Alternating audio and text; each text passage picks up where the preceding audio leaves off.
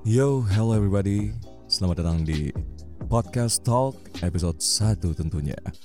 Nah, di episode 1 ini apa sih yang pengen dibahas?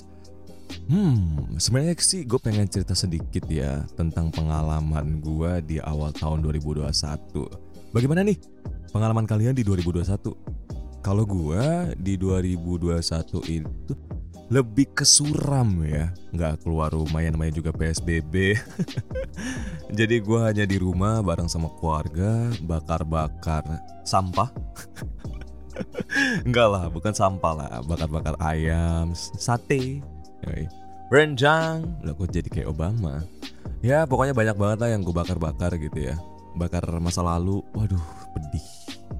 Ya abis itu memulai yang baru. Bede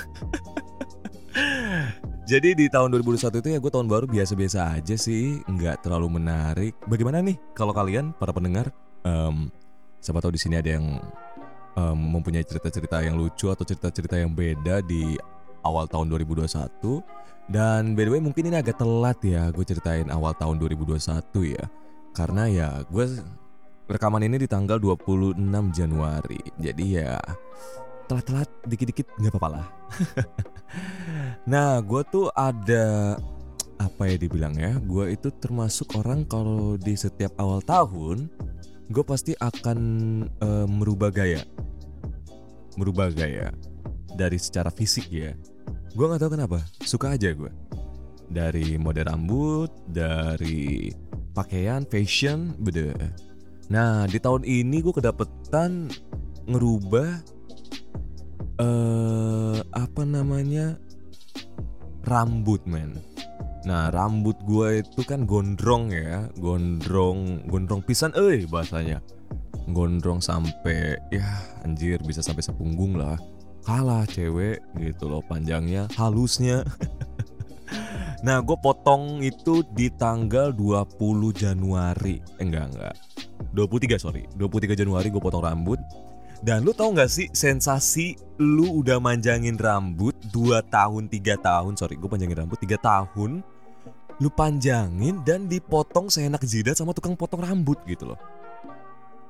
Sakit bro. Sakit gitu loh. Berani-beraninya dia Motong rambut gue padahal gue yang bayar sih. Ya iya gue yang nyuruh juga sih.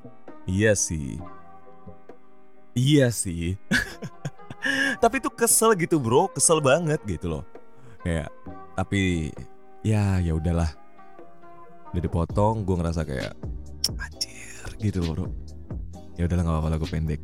Nah setelah gue potong rambut ya sensasinya itu kayak lu ya yang biasanya di sini mungkin para pendengar ada yang rambutnya gondrong kayak sering ngiket rambut Abis itu lu tiba-tiba rambut udah pendek lu udah lupa maksudnya kayak masih keinget masa lalu gitu loh motong rambut apa megang-megangin rambut gitu ke belakang ke belakang nguncir padahal nggak ada yang dikuncir gitu.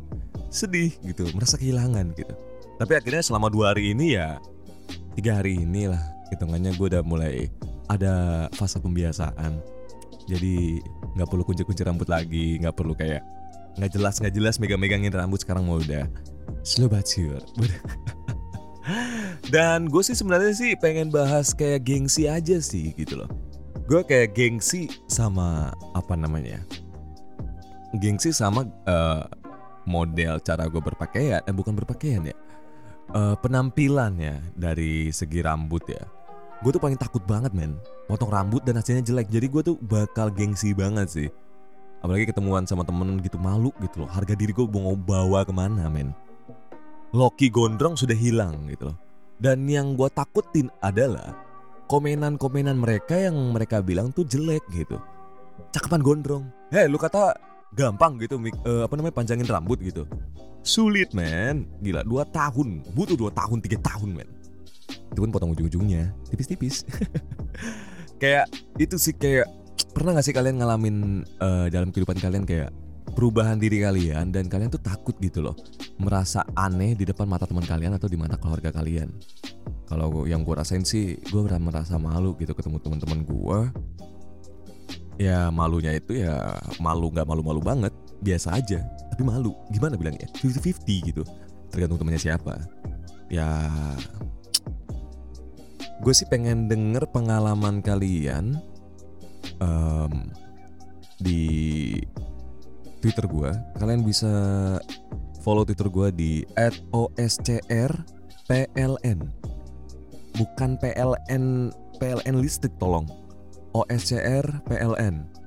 Namanya Oki. Nah, kalian tinggal tweet aja di situ, tinggal tag nama tag Twitter gue, nanti gue bakal bacain di sini di podcast selanjut selanjutnya di episode 2. Mungkin episode 2 gue bakal rilis di tanggal 27 Januari. Dan ya gue sih pengen banget denger-denger cerita kalian sih. Jadi hmm, sampai jumpa di episode 2. Terima kasih sudah dengerin selama 5 menit lebih. And thank you very much. Semoga hari kalian bahagia, tetap senyum. Bahagia, tolong bahagia.